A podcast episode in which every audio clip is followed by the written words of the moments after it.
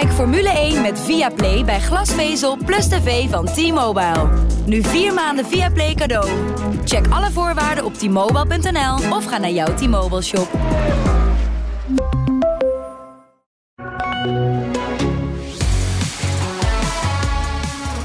Het weekend van de updates. We hebben een nieuwe bijnaam voor Max Verstappen. En we hebben ook gelijk een nieuwe leider in het WK-klassement. Welkom bij Pitstop, de Formule 1-podcast van het AD. Waarin we elke week de Formule 1 bespreken. Dat doen we met onze verslaggevers Marijn Abbehuis en Arjan Schouten. Afhankelijk van wie er ter plaatse is. En uh, vandaag vanuit Barcelona, Arjan Schouten. Mijn naam is Etienne Verhoef. Um, jij, jij, noemde het, Arjan, uh, een masterclass hoofd koel houden vandaag. Maar dat was wel nodig in die hitte, geloof ik, hè? Ja, zo de mythes zeg. ik uh, zit nog na te zweten. Je, je hebt zo'n temperatuurmeter op die, op, die, uh, op die monitoren in de perszaal. En dat begon te klimmen. Ik was heel vroeg, toen was het 29 graden. Dat is lekker, weet je wel. 9 ja. uur s ochtends, 29 graden. Nou ja, moet je al niet meer gaan hardlopen. Maar die, die, die bleef maar klimmen. En op een gegeven moment stond hij op 37,4. Toen dacht ik, nou, dit is wel een van de warmste die we ooit gehad hebben de laatste jaren. Want jij hebt nog hard gelopen toch ook op het circuit, zag ik? Ja, op uh, zaterdagavond na de quali. Het stond er een beetje wind, maar dat was net een feun al. Maar toen was het al een graad of 31, 30. Uh, maar uh, ja, vandaag was het echt, echt, echt belachelijk warm. Ja. ja. het was warm. Dat doet wat met banden. Uh, maar ook wind. Want ik zag een aantal man er toch vanaf gaan in bochtjes ja. dat je denkt, hè, Verstappen onder andere, maar ook Sainz. Dat deed toch wat met die wagens? Ja, het was een rare wind. Want de ene keer was hij er wel, de andere keer was hij er niet. was bij vlagen. Je kon het niet voorspellen. Uh, ja, op die monitor waar ik het net over heb, daar stond ook ja, windsnelheid 3 meter per seconde. Ja, ja goed, dan, uh, dan moet je niet gaan vliegen, zeg maar, op Scheveningen. Maar uh, opeens was hij er dan en dan weer niet. En ja, dat hoort denk ik allemaal bij dat extreme weer. Maar ehm, ja, dan ben je af en toe even je auto kwijt, denk ja, ik. dat blijkt. Nou goed, laten we straks ook nog praten over Nick de Vries. Die zijn debuut maakte in de Formule 1 auto. Dat deed hij op de vrijdag tijdens het testen. Misschien moeten we het nog even hebben over de toekomst van Spa. Eerst maar eens die race in Spanje. Want ja. um, dat was natuurlijk een race, als je daar nou ja, na een paar rondjes naar zat te kijken, dacht je... Uh, Max gaat deze race helemaal niet winnen. Die moet, die moet blij zijn als hij derde wordt. Ja, je denkt, uh, F, uh, piep, uk, uh, dit gaat helemaal verkeerd. je zit dan een verhaal te schrijven voor online en... ja, ja, wat denk je? Hè? De, de upgrades, updates, dat soort dingen, die werken erg bij Ferrari. En hij waait er zelf vanaf. zit vervolgens te vloeken omdat weer die DRS niet werkt. Hetzelfde euvel wat hem in de kwalificatie eigenlijk uh, ja, die laatste poging op een polhondje ontnam. Deed hij overigens zelf vrij luchtig over. Maar ik, uh, uh, ja, ik denk dat daar toch nog wel even wat woorden over gaan vallen. Want ja, in de race deed het behoorlijk pijn. Uiteindelijk kost het hem niks. Hè? vanwege de pech van een ander. Maar ja, het sloeg om. Hè? Het was een, een race met met twee helften, zoals hij het zelf omschreef. Maar dit is toch wel uh, het mooie aan dit seizoen. Uh, want ja. nu komen al die updates erin en je ziet ze worstelen met banden, uh, wat ze moeten doen. Ze hebben eigenlijk, je hebt geen idee meer hoeveel stops nu normaal is op, op, op bij races waar je normaal kon nee. uitrekenen één stop kan nog wel in Barcelona. Is het nu twee of drie stops? Ja, zelfs Pirelli weet het niet meer hè? Nee, die geven ook nee. een window aan dat je denkt, nou ja, dat maakt niet meer uit. Nee, maar iedereen is nog een beetje zoekende. Dat merk je gewoon heel erg, want kijk, die, die vorm van Red Bull, kijk, ze zijn snel, hè? laat dat voorop staan. Een goede auto, niks mis mee. Maar hoe ze dit seizoen presteren, daar waren ze de afgelopen jaren met die uh, dominante Mercedes naast hun gewoon niet mee weggekomen. Want dan wordt elk klein foutje wordt afgestraft. En dat weet Verstappen ook echt wel. En daarom hamert hij, je moet maar eens opletten wat hij zegt door die weekend heen. Hij hamert de hele tijd op, perfectioneer zo'n weekend nou eens. Hij zei het vandaag weer. Ik bedoel, we zijn geen robots, uh, zei hij. Uh, foutjes kunnen voorkomen, maar die moeten we echt wel gaan minimaliseren. Uh, hij zei een dag eerder ook al, uh, allemaal leuk en aardig, we zijn snel, maar we moeten ook aan die snelheid op één rondje gaan werken. Dus hij blijft, hoe crescendo het ook mogen gaan, hè? hij staat gewoon na zes races weer waar hij stond als wereldkampioen, op één. Maar hij blijft maar benadrukken dat het echt nog wel beter moet. En uh, dat is ook niet zo gek, want Ferrari gaat ook nog wel verbeteren. En die hebben snelheid. En stiekem komt dat Mercedes toch ook weer een beetje dichterbij. Ja, want die upgrades die bij Mercedes zijn gedaan, die waren niet zo heel slecht. Nee, nee. Kijk, het is nog niet een Mercediaans, hè. Um, maar omdat al die andere kampen uitvalbeurten hebben, staan ze er ook weer niet zo heel belabberd voor. Nee, maar, het is, maar ze staan staat... wel, de afstand in, in de race is nog wel te groot ten opzichte ja, van de Red Bull uh, en, en ten opzichte van Ferrari. Zeker, kijk, dat, dat vragen wij dan natuurlijk allemaal aan, aan Helmut Marco en Max Verstappen en Christian Horner. Van, van is Mercedes nu terug? En dan zeggen ze allemaal terecht, nou ja, ze hebben wel een stap gemaakt, maar ze kunnen ons nog niet uh, challengen. En dat is helemaal waar. Nog niet. Laten we dan de nadruk maar op nog niet leggen. En als je naar het wereldkampioenschap kijkt, zie je Russell gewoon volgens mij op uh, een puntje of 74 staan. Dat is ook niet zo'n groot gat, hè? Ja, vind je dat niet zo'n groot gat? Dat is wel dat groot. vind ik niet zo'n groot gat. Ik vind een, een, gat van 46 punten na drie races, dat vind ik een groot gat. Ja, maar dat komt omdat... Maar dat gat is er helemaal weg al, hè? Weet je? Dat bedoel ik maar eigenlijk te zeggen. Dat is waar, daar heb je, daar heb je gelijk. Maar dat is ook, hij staat op 74 punten, hij staat, Max staat op 110 punten. Dus het gat tussen uh, die twee is minder dan 36 punten. Dus dat is in te, hm. in te lopen natuurlijk tussen Russell en Verstappen. Maar je kan ook zeggen, uh, dan moet je wel een wagen voor hebben om bovenaan, en bovenaan te eindigen. Dat hebben ze natuurlijk nog niet. Dat heeft hij nog niet, maar als je nou eens de stappen vergelijkt die Ferrari en Red Bull nemen de afgelopen weken en de stappen van Mercedes, dan kan je toch eigenlijk alleen maar concluderen dat dat stappen met 7 mijlslaarzen zijn die Toto Wolff aan het zetten is. Want die komen wel van ver, hè? Door een paar weken geleden was het eruit in Q1. Ja, ja, ik, weet, ik, ik vind het een beetje lastig om daar het vergelijk te trekken. Heb je dat ook niet een beetje? Dat je, het is zo moeilijk om te bepalen waar, waar een team nou staat, omdat de rest ook heel erg. Iedereen heeft, heeft updates, upgrades meegenomen en updates aangehouden. Die hele auto is volgepakt met nieuwe dingen overal. En toch is, zijn er gewoon ook teams niet beter op geworden. Dus, het is ook de, dus de vraag is ook een beetje: wat moet je nou voor waarde hechten aan deze updates? Ja, ja, maar ja, dat is een beetje het verhaal van het seizoen. En ook weer van deze race. Want uh, Max Verstappen kon ook niet anders dan de conclusie trekken van... nou ja, we, we hebben gewonnen, uh, we hebben wat geluk gehad. Maar tegelijkertijd hebben we ook gezien dat Ferrari weliswaar niks presteert... maar wel gewoon een stap weer zet in snelheid. Want je had dan maar moeten zien of die Leclerc kon achterhalen natuurlijk. Want die was echt wel gevlogen. Mede ook omdat de Verstappen er even afwaaide. Maar ja, het vertekent allemaal zo, hè. Ik bedoel, dan, dan zit er ook nog eens een Sainz in de wagen... die ja, toch wel nu stelselmatig aan het bewijzen is... dat Red Bull uiteindelijk uh, wel uh, de juiste man heeft laten promoveren... zes, zeven jaar geleden. Nee, nu overdrijf ik een beetje. Wanneer was dat? Uh, zes jaar geleden. Zes jaar geleden, ja. ja Twintig jaar geleden al. Nee. Kijk, daar was Sainz destijds heel verbolgen over. Maar ik denk dat Red Bull op dit soort dagen ook wel denkt... nou, misschien hebben we er toch wel goed aan gedaan... om Max in die auto te zetten. Of niet? Ja, of is Sainz geen tweede rijder? Kan ook, hè? Dat hij... Ah, gelul. Oh, sorry. Hij, oh. Nee, ja, dit, nee, ja dat, dat, hij levert gewoon niet. Nee, nee dat is waar. Nee, en dat is wel een beetje een, uh, een patroon aan het worden. Ja. Um, maar dan eventjes naar, naar, die auto's. Ik bedoel, we hebben gezien, het is allemaal sneller. Verstappen had een probleem met zijn DRS. En dat had hij op zaterdag. En dat had hij op zondag ook weer. En daar was hij toch, dat, daar was hij niet gelukkig mee. Maar dat maakte wel ook een groot verschil, toch? Ja, natuurlijk, natuurlijk. daarom was hij er ook niet zo gelukkig mee. En hij werd er op een gegeven moment ook echt helemaal uh, tureluurs van. Dat hoorde je wel, die boordradio. Ja. Uh, waarom krijgen we dit nou in hemelsnaam niet aan het werk? En uh, ongelooflijk en dit en dat. echt voeteren. En dat snap ik ook wel, want het is zoiets...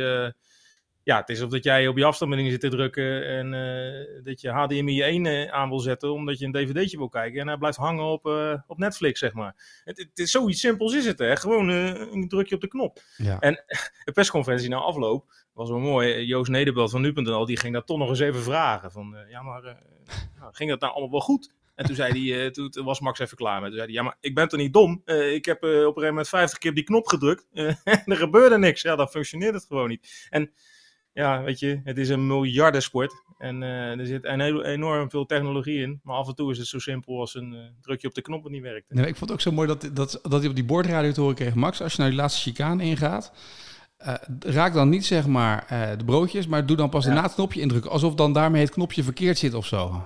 Ja, ja. Op de curbs, van de curbs. Uh, Marco, Hermel Marco, die hebben een afloop gesproken. Die begon ook nog van dat, de gewichtsreducerende maatregelen. hoe ligt het auto? Dat helpt ook allemaal niet mee. Ja, het zal allemaal wel. Maar de DRS doet het bij alle teams en bij Red Bull niet. Dus ik begrijp best dat ja, Verstappen daar een beetje geïrriteerd over is. Bij Verstappen doet hij niet, want bij Perez deed hij het wel. Nou ja, ook dat. Ja, ja. Maar uh, ja, ik, ik, ik, ik ben er zeer benieuwd. Kijk, dat gaan wij natuurlijk nooit weten. Uh, er wordt een gezegd, ja, hetzelfde probleem als gisteren, mechanisch, bladibla. Maar ja, als ik zoiets met mijn apparatuur zou hebben, dan zou ik het echt allemaal afrotten en er gewoon iets heel nieuws op zetten. Ik ben zo benieuwd of dat dan ook gebeurt.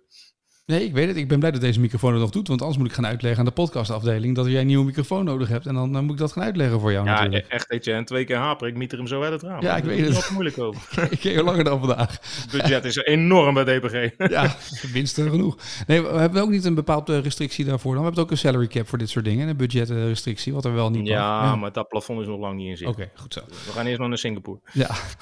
um, dan die race. Want dan komt dan die race. Jij noemde het net al. Eigenlijk in zes races. Alleen Italië was een, een flawless weekend. Eigenlijk. Als je het in punten bekijkt, met alles winnen. Sprintrace, kwalificatie, race.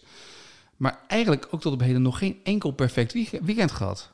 Nee, nee. En daarmee komt hij dus, dus weg, uiteindelijk. Uh, ja, dus hoe dichtbij zit Mercedes dan eigenlijk? En hoe dichtbij is Ferrari dan eigenlijk? Als, als Red Bull nog geen één keer een perfect weekend heeft gehad. Je hebt er gewoon nog helemaal geen helder beeld bij. Nee. Je kan het uh, twee kanten op redeneren. Je kan ook zeggen, als Red Bull wel perfect gaat werken, ja, dan uh, worden ze lachend kampioen. En tweede misschien wel. Alhoewel, ehm, ja, het, het, het, is lastig. Maar op de zaterdag concludeerden we bijvoorbeeld na de kwalificatie dat hij miste opnieuw net pol.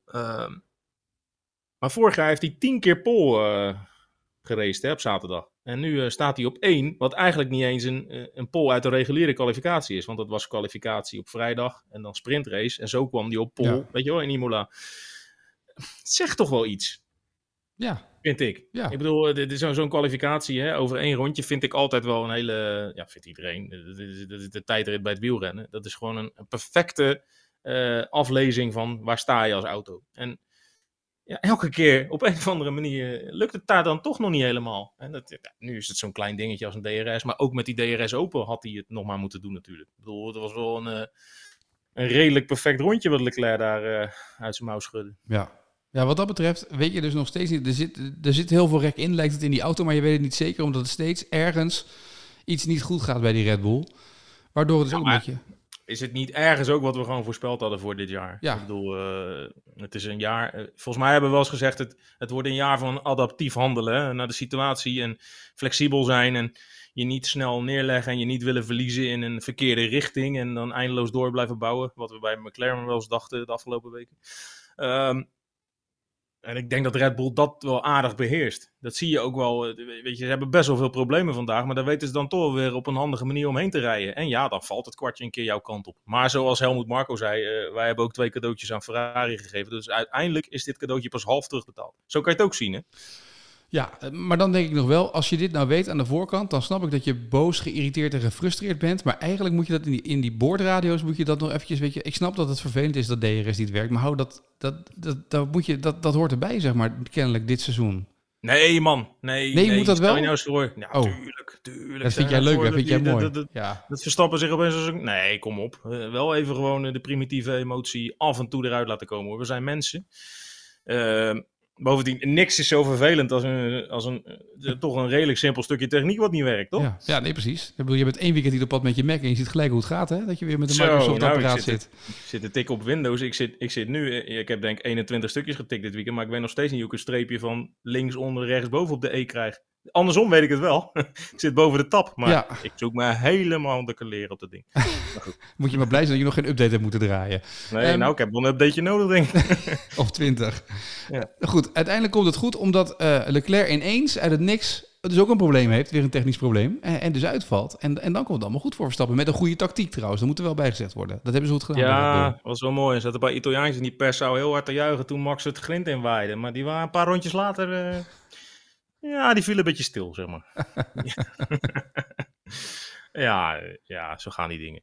Ja, waar kwam dat nou weer vandaan? Hè? Ja. Hoort ook bij dit seizoen. Past ook weer perfect in dit verhaal van deze podcast. Alsof het één groot rond geheel is. Het is echt niet normaal hoe jij dat allemaal neerzet. Maar uh, ja, we gaan nu ook naar Monaco toe. En daar gaat dus de, de, de, de thuisfavoriet, de Monegask, de enige mon echte Monegask van deze hele grid. Ja, die gaat daar met een pak twijfels heen je had natuurlijk gehoopt, ik haal hier een boost weg met dat, uh, met dat upgrade pakket en ik ga Monaco's even huishouden. Maar ja, je, je kan het sentiment nu omdraaien. Je kan ook zeggen, hij moet daar terugslaan om zijn titeldroom in, uh, in leven te houden. Zeg maar. Dus, uh, maar toch denk ik op basis van die zaterdagkwalificatie dat hij wel tegen een beetje druk kan. Want toen stond de druk er ook volop bij de laatste kwalificatie bij Q3. En die pakte hij ook uiteindelijk fenomenaal natuurlijk, die, die snelste tijd, die pol. Nee, ja zeker. Hij is wel een kwalificatiebeest. Ja. ja. Nee, dat is absoluut waar. Ja. En op Monaco is dat best handig op zich.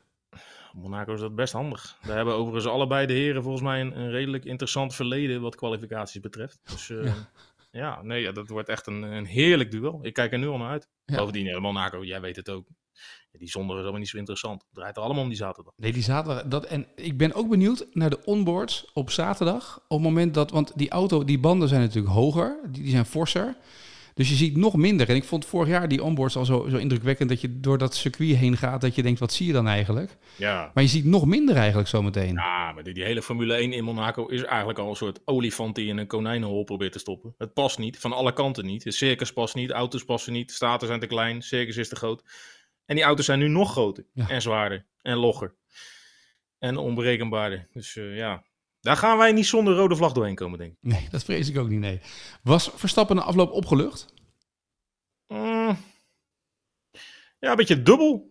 Eh, ergens zat wel de blijdschap hè, en het, het feit dat hij eh, geluk had gehad en ook wel dat, eh, dat hij het om wist te buigen. Maar ergens, ja, daar kwam ook wel steeds naar voren ook wel dat het ook wel hoop niet goed gegaan was. Ni- Niet dat dat de overhand voerde. Uiteindelijk staat hij gewoon eh, eh, nu zes punten weer los van Leclerc en eh, valt alles eh, in het pulletje. Maar ja, hij hamerde toch ook wel op alles wat niet functioneerde. Ja. Ik vond hem niet eh, overdreven eh, extatisch of zo. Nee. Maar dat is ook omdat hij topsporter is en het beste en het meest optimale wil hebben. En dus eigenlijk eh eh, daarnaar op zoek is. Nou ja, zo hebben we hem ook wel leren kennen. Maar ik denk Ja. ook dat hij een heleboel naast de medelat van vorig jaar legde. En dat was natuurlijk een kampioensjaar. En dat was een, nagenoeg een perfect jaar. En dat is dit jaar nog, nog, nog niet. Absoluut niet. Nee. Nee, dat is, dat, het lijkt me ook lastig om dat, om dat voor ieder, maar volgens mij is dat voor iedereen moeilijk te accepteren. Ik bedoel, Lewis Hamilton, die had die botsing met Magnussen en die zei toen bij rondje 20 naar rondje 1, zullen we de auto maar eh, in de garage zetten en die motor bewaren. En toen na afloop was het toch nog prima dat hij al punten binnenhaalde. Ja, meneer wilde de motor sparen. En daarna Ja. was hij driver of the day. En eh, ja, eh, best weather ever. Best audience ever. Ja, kan snel gaan in het leven van Lewis Hamilton. Het is echt, eh, ja, het laat zo weer om. maar dat is wel mooi toch, dat het team ook gewoon zegt, nee, nee, hou maar buiten, je kan nog punten halen, geen zorgen. Ja, maar uiteindelijk is dat ook gewoon de call die ze hadden moeten geven. Ja. Want je ziet maar hoe eh, veranderlijk het allemaal kan zijn. En ja, Russell zei dat en Toto Wolff ook. Eh Toto Wolff overdreven overigens een beetje hoor. Die zei, ja, Lewis had de snelste wagen van het veld en zonder die klapper van de Magnus had hij ook nog kunnen winnen. Nou, volgens mij is dat echt niet waar. Nee. Volgens mij gingen de emoties daar even eh, te lopen met eh, onze vriendelijke eh, Mercedes vriend. Maar ehm, nee, er is wel een bladzij omgeslagen. Ja. Wat Wolf terecht zei, en dat vond ik wel een mooie conclusie. we zijn het middenveld inmiddels wel ontstegen. Toch? Maar dat je als Mercedes-baas dat moet zeggen, is toch eigenlijk rete pijnlijk. Ja, Russell die verwoordde het mooi. Die zei, we, ik, volgens, volgens mij zijn we vijf races, zes races alleen maar bezig geweest met problemen aanpakken en oplossen. En nu gaan we ook eens een keer vermogen brengen en prestaties brengen. Die auto ook echt eh, op snelheid eh, brengen. En eh, ja, er resteren nog gewoon eh, 16 races om, om, om, om, om dat gat, eh, wat dus uiteindelijk helemaal niet zo groot is, zoals we al eerder geconcludeerd toch weer een beetje eh, eh, ja, kleiner te maken. Eh, die, die banden, ik riep het net al even een bijzin. Hm. Eh, weet iemand überhaupt hoe, hoe goed die banden reageren op, op circuits en dat soort zaken? Of is er iemand al een beetje achter, behalve Albon? Nou, het is nog een beetje uitvogelen, maar dit was ook wel echt een extreme dag, hè, met zoveel eh, hitte. Het, eh, Maar dat gaan we volgende week in Monaco toch ook krijgen? Als ik de weer Maar ja, ik, ik, ik, ik, ik weet het niet, maar dit was wel warmer dan bijvoorbeeld Saudi-Arabië. Ja. En dat klinkt best wel gek, maar het is wel waar. Dit was warmer dan Bahrein en Saudi-Arabië. Gewoon in eh, Catalonië, waar je in eh 1 uur 50 heen vliegt. Ja. Nee, maar het was echt extreem. Echt extreem. En eh, ja, ik denk dat, dat dat ook een beetje het onvoorspelbare. Want je, je zat van tevoren, Pirelli ging volgens mij standaard uit de norm een tweestopper. Maar Red Bull had eigenlijk al eieren voor zijn geld gekozen en eh, Max op een driestopper gezet en Perez op een tweestopper oorspronkelijk. ja. Pakt uiteindelijk niet zo vertuidelijk uit voor onze Mexicaan. Want die, eh, ja, die eh, heeft eigenlijk weer twee keer geleerd in de wedstrijd dat hij eh, ja, gewoon niet de kopman van Red Bull is. Dat is duidelijk.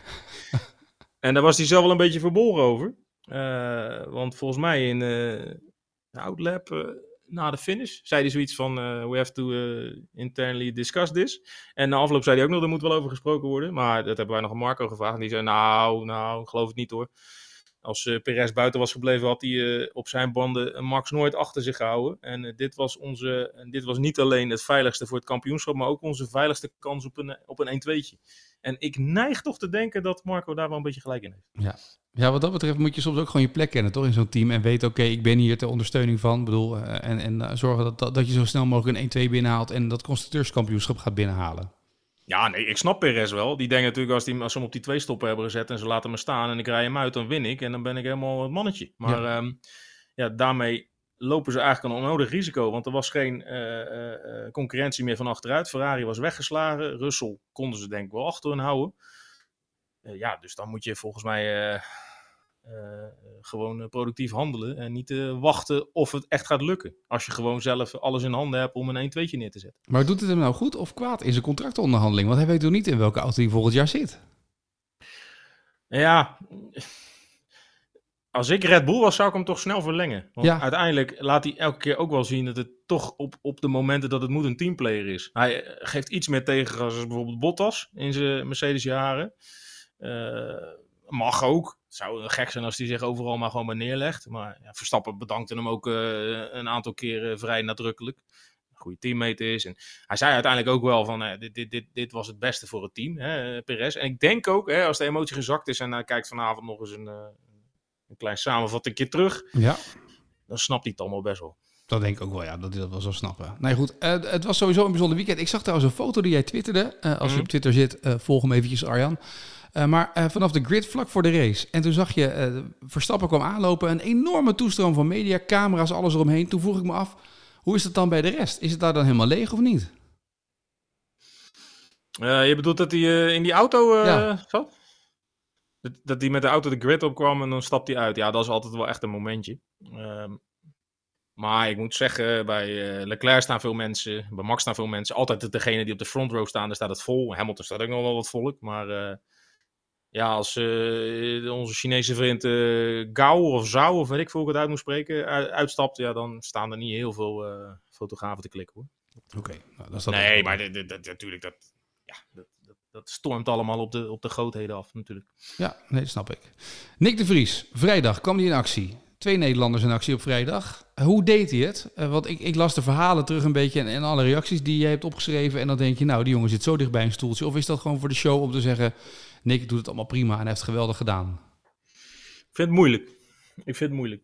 Uh, uiteindelijk deed hij gewoon wat hij moet doen. Uh, hij deed het goed. Ik vond hem vooral ook naast de auto ijzersterk. Die jongen is in zijn optreden en, en, en met de media. En dat beheerst hij echt zo goed, dat vak. Uh, maar het gaat er natuurlijk uiteindelijk om wat hij in de auto doet. Uh, dat deed hij ook gewoon prima. Hij was redelijk snel op snelheid. Hij heeft veel input naar Williams gebracht. Uiteindelijk Latifi achter zich houden. Je moet je een beetje afvragen hoe knap dat is. Tegelijkertijd, Latifi is wel een jongen die al voor het derde jaar op rij in de Formule 1 zit. Ja. Met een bak meer ervaring. Nick die vertelde dat hij 2,5 uur op de simulator in die nieuwe auto gereden heeft en daarmee basta. Hij heeft natuurlijk al twee keer in de Mercedes gezeten, maar dat was de oude auto. Wel echt een ander, ander iets waar ze nu mee rijden. Deed hij allemaal goed. Maar natuurlijk, hè, daarna komt er een, een stroom aan uh, lovende woorden en complimenten op gang. Dat zou ook gek zijn als ze hem gaan afvakkelen natuurlijk. Ja. Toch? Ja, nou, we hebben gekeken naar Nick de Vries. Nee, dat is helemaal niks. Nee, nee, nee, nee, dit is logisch. Maar ik dacht, Weet je, wat ze nu zeggen is allemaal prima. Dan luister ik toch met een half oor naar. Maar dan een dag later, als, als, als, de hele Nick de Vries show... Want dat is het echt, hè. Als zo'n jong driver erin stapt, dan, ja, dan stroomt een bak media op af... en iedereen gaat kijken. En ja, dan maken ze echt een showtje van. Maar een dag later ga ik toch nog eens luisteren. Want Dave Robson, de, de technische topman van Williams... die zat in de, in de, in de persconferentie. En die... Uh, nou ja, die vertelde opnieuw dat hij het goed had gedaan en dat soort dingen. En nou, dan kreeg hij natuurlijk de vraag, hoorde Nick de Vries thuis in de Formule 1? Toen zei hij heel diplomatiek, nou, Nick heeft eigenlijk al alles om een capabele rijder te zijn op de grid. Maar, daar kwam de maar, je weet, er komt er maar in dit soort verhalen. Maar, daar zijn er wel meer van. Ja. Ja. Die maar kon je eigenlijk niet gebruiken in dit verhaal. Nee, hij daar moet, als, als, als hij echt een kans had gehad, had hij daar moeten zeggen: We willen hem zo snel mogelijk vastleggen bij spreken. Of hij is echt een uniek talent. Dat wil je dan horen. Ja, gaan ze natuurlijk ook niet zeggen, nee. want Latifi heeft nog een contract voor dit jaar, neemt een hoop geld mee. Maar het is denk ik een beetje interessant. Uh, in hoeverre is Williams nou nog afhankelijk van die miljoenen van die Canadees? Want we, we kunnen allemaal wel stellen dat die Canadees eigenlijk inwisselbaar is voor een heleboel talenten. Ja. Uh, ook, ook de Vries. Kijk, of je nou Latifi of de Vries in die auto zet, maakt eigenlijk niks uit. Ik denk dat de Vries het uh, op lange termijn zelfs gewoon nog wel een stukje beter gaat doen. Maar heeft Williams met met die eh, Amerikaanse investeringsmaatschappij die er nu achter zit, die Canadese miljoenen nog nodig. Want ik denk dat we ook wel de conclusie durven trekken hier dat Nick de Vries niet die miljoenen mee gaat nemen vanuit Snake. Um, of kunnen ze ook zonder? Kunnen ze zonder, dan maakt Nick de Vries een kans. Maar dan is hij wederom niet de enige. Want er zullen er nog een paar uh, jonge talenten, Formule 2, dat soort dingen zijn. Die ook nog uh, voor dat stoeltje gaan vechten. Ik weet niet hoeveel papa Latifi uh, betaalt hiervoor. Hoeveel er wordt meegenomen uit familiekapitaal. Want kijk, investeerders, maar investeringsmaatschappijen zijn wel gevoelig voor geld. Wat hoeven ze minder te betalen eraan natuurlijk. Dus dan kunnen ze zeggen, ja, weet je, dan uh, hoeven ze minder erin te stoppen. Ja, nee, ja, daar speelt ook nog eens mee uh, dat, dat Nick de Vries natuurlijk een, een bedrijfscoureur van Mercedes is. In de Formule E zit. Mercedes stopt daar weliswaar, maar hij zal ongetwijfeld tal van aanbiedingen krijgen in die wereld. Zit ook nog in de WEC. Eh, de, de, lange afstandsraces. Heeft ook nog een IndyCar getest vorig jaar. Dus om Nick de Vries hoeven we ons echt niet zo zorgen te maken hoor. Die krijgt volgens jaar gewoon een autootje, een stoeltje en een vet contact ergens. Maar of dat in de Formule 1 is. Hij zei volgens mij zelf vrij terecht, dat ligt nu uiteindelijk niet in mijn handen. Ik heb laten zien wat ik kan. Ik heb mijn kans gepakt. Uh, ik ben er tevreden over. En wat de toekomst brengt, dat zien we wel. Ja, ik denk dat dat nu gewoon de situatie is. Ja, dan eventjes eh, dat bruggetje dan maar maken gelijk naar Spa. Uh, want we hebben allerlei nieuwe races erbij gekregen. Miami hebben we gezien, groot spektakel, festival. Zandvoort vorig jaar heeft uh, de ogen doen openen van menige circuitbaas. Uh, Spa is natuurlijk een traditioneel circuit. We hebben een nieuwe ja. tribune dit jaar dat die erbij komt, waardoor mm. er meer toeschouwers bij kunnen komen. Maar je hoort ook veel mensen roepen langzamerhand. Gaat Spa nou wel in de toekomst nog op die kalender terechtkomen? Wat is jouw, je hebt gesproken met mensen van Spa, wat is het beeld? Ja, uh, de commercieel directeur Stijn, Stijn de Boever, die uh, was in, uh, in, in, in, Spanje.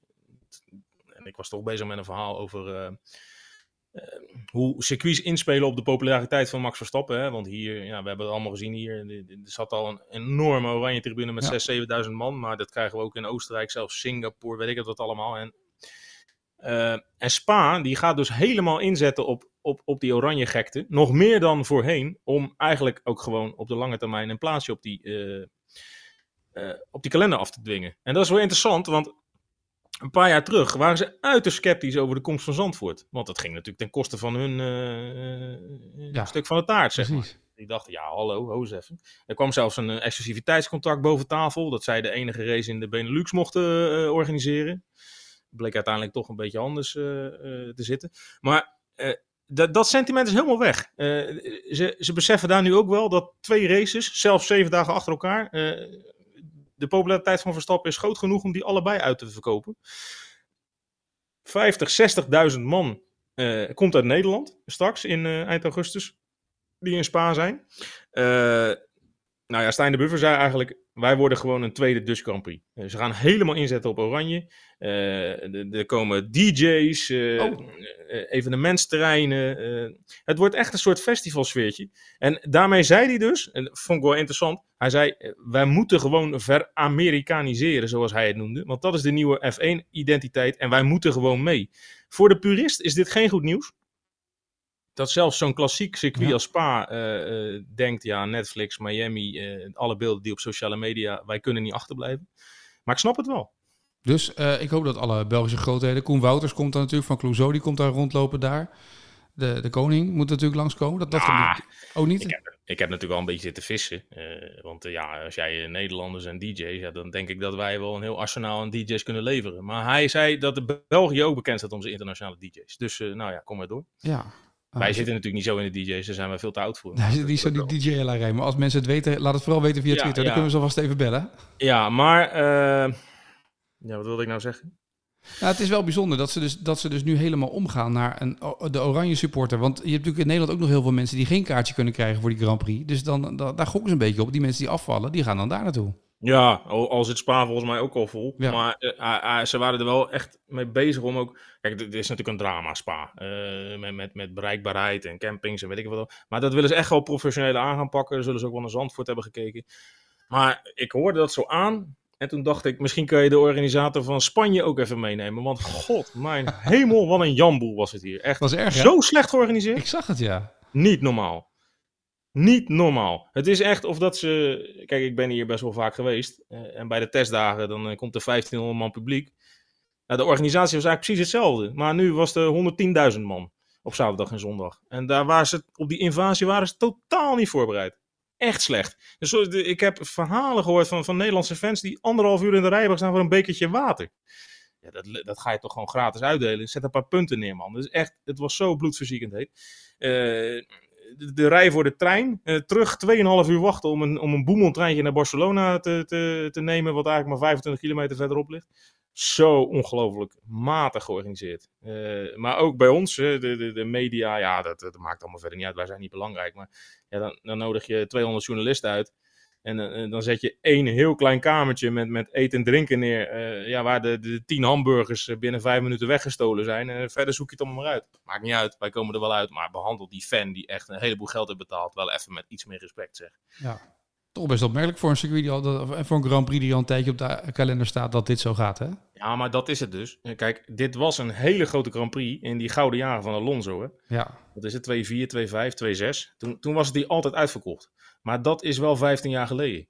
Uh, de, de, de, de, laatste jaren, ja, hoeveel man er geweest zijn? 50, 58.000. En nu bam, gewoon het dubbele. En ja, daar waren ze helemaal niet op berekend. En ja, dat vind ik dan toch wel. We komen van Miami en uh, ja, daar hebben we allemaal uh, zitten doen of dat het allemaal overgeorganiseerd was. Maar dit was wel even een downgrade, zeg maar. Ja, snap ik. Nou goed, op naar volgende week. Monaco, daar wordt alles tot in de puntjes verzorgd. Kreeft en caviar staat op jou te wachten natuurlijk. Als mede de flessen Moet et Chardon en andere zaken. Want ja, je mag je gaan laven aan het, koning, uh, aan het Prinsendom natuurlijk. Weet je dat het eigenlijk door onze collega Marijn komt dat ik daar naartoe moet? Ja, want Marijn, even benoemd hebben. Marijn moet uh, naar het voetballen toe. En die gaat dan, ADO. Ja, en die gaat dan zien dat ADO eraf gaat. Die gaat dan dinsdagavond gaat hij zien dat Excelsior gewoon weer uitstekend Ja, gaat, gaat 6-0 spelen. 6-0 winnen. En dan denkt Ja. hij, ik had dus in Monaco kunnen zitten dit weekend. Ja, Zit je ja, daar dan, dan kom ik niet meer terug hoor, dan bekijkt hij het maar. ik heb, dan moet je dus eens gaan proberen te doen. Ik heb dus vanmorgen, zondagochtend, heb ik een reis en een hotel voor eh, het Grand Prix weekend van Monaco eh, geregeld. Ja, normaal doe je het acht maanden van tevoren, want daarna is het niet meer te betalen. Nou, nou, nou, nou, nou. Ik vlieg dus naar Genua en dan neem ik het boemeltreintje naar Monaco. Eh, want ja, Nice was geen vlucht meer te vinden. Kon je dinsdag terug of via eh, Marseille of eh, Parijs en dan het 17 uur wachten. En met godsgratie mocht ik in een Airbnb van in Menton slapen. Oh. Waar ik denk ook vier dagen naar gezocht heb. Een kleine 250 euro per nacht. Dus het mag, geen, mag wat kosten. Precies. Nou, dan eh, mag je daarop gaan voorbereiden. Spreken we elkaar sowieso volgende week vanuit Monaco. Eh, nadat je natuurlijk in plaats van eh, het drankje, het hapje na afloop, gewoon keurig aan een kreeft zit. En die fles champagne meeneemt, toch? Ik lust geen kreeft. Oh, nou ja, dan neem je maar gewoon een hele luxe hamburger die waarschijnlijk met bladgoud be- belegd is voor 20, eh, 30, Hebben 40, 50 eh, euro. Hebben ze, er een, hebben ze er een gehaktstaven in Monaco dan? no, pas du tout, pas du tout. Ik spreek jou volgende week weer in een gloednieuwe pitstop. Arjan Schouten, dank voor nu en een goede terugreis weer vanuit eh, Barcelona. Yes.